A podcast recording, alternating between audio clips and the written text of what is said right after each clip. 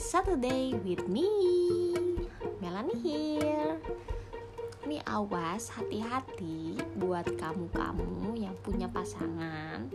Jangan gampang terkena modus-modus atau gombal-gombal Terutama buat cewek-cewek nih. Buat cowok juga sih Sometimes kan ada cewek tuh yang lebih agresif ya. Coba kenali dulu maksud pasangan kamu mau bersama kamu tuh apakah benar-benar cinta atau nafsu belaka dalam hubungan kan cinta itu dasar dari sebuah hubungan. Bener gak? tapi coba kamu perhatikan lagi gestur pasanganmu. Mungkin dia lebih aktif di kontak fisik dibanding berbicara gitu sama kamu atau berdiskusi hubungan kalian ke depannya. Jadi seolah-olah tuh kayak nggak ada percikan gitu dalam hati kalian masing-masing.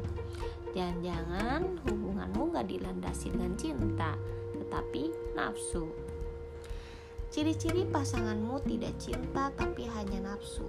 Pertama, dia selalu berbicara tentang fisik. Sebagai wanita ya, kita kan emang ingin selalu tampil cantik di depan pasangan kita. Khawatir kalau terlihat jelek gitu.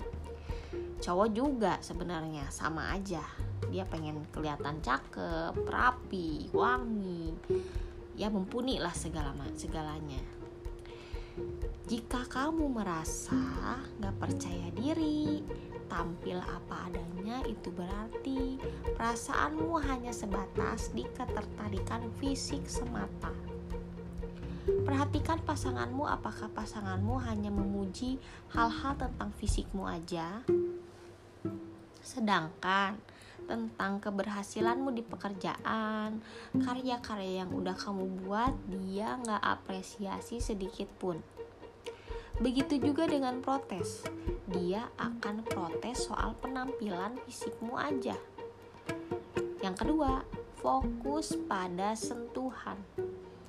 Orang yang hanya nafsu aja itu dia merasa kayak nggak harus deh jalan berdua sama kamu nggak perlu juga gitu ngomong atau bicara hati ke hati dengan kamu setiap pertemuan hanya melakukan kontak fisik seperti memegang tangan, memeluk, mencium.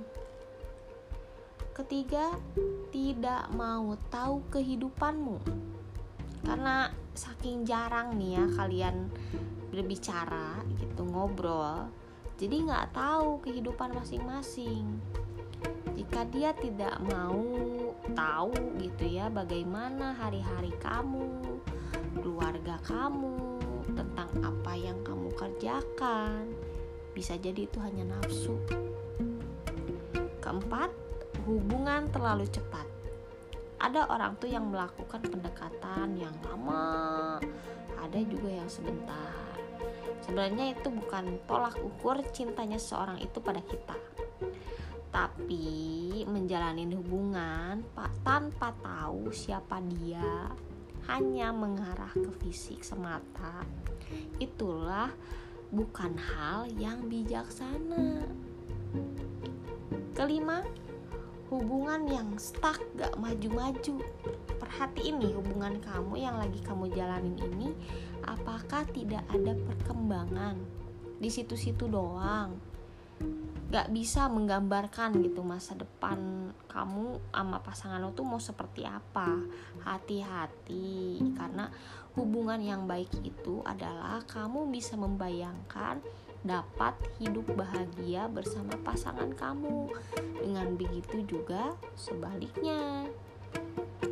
Kritik, saran, dan ide boleh kirim aja ke telegram aku di @mramal31 M-nya besar, R-nya besar tetap dengerin podcastnya Saturday with me untuk menambah wawasan kita bersama. Ya, Melani, sign out.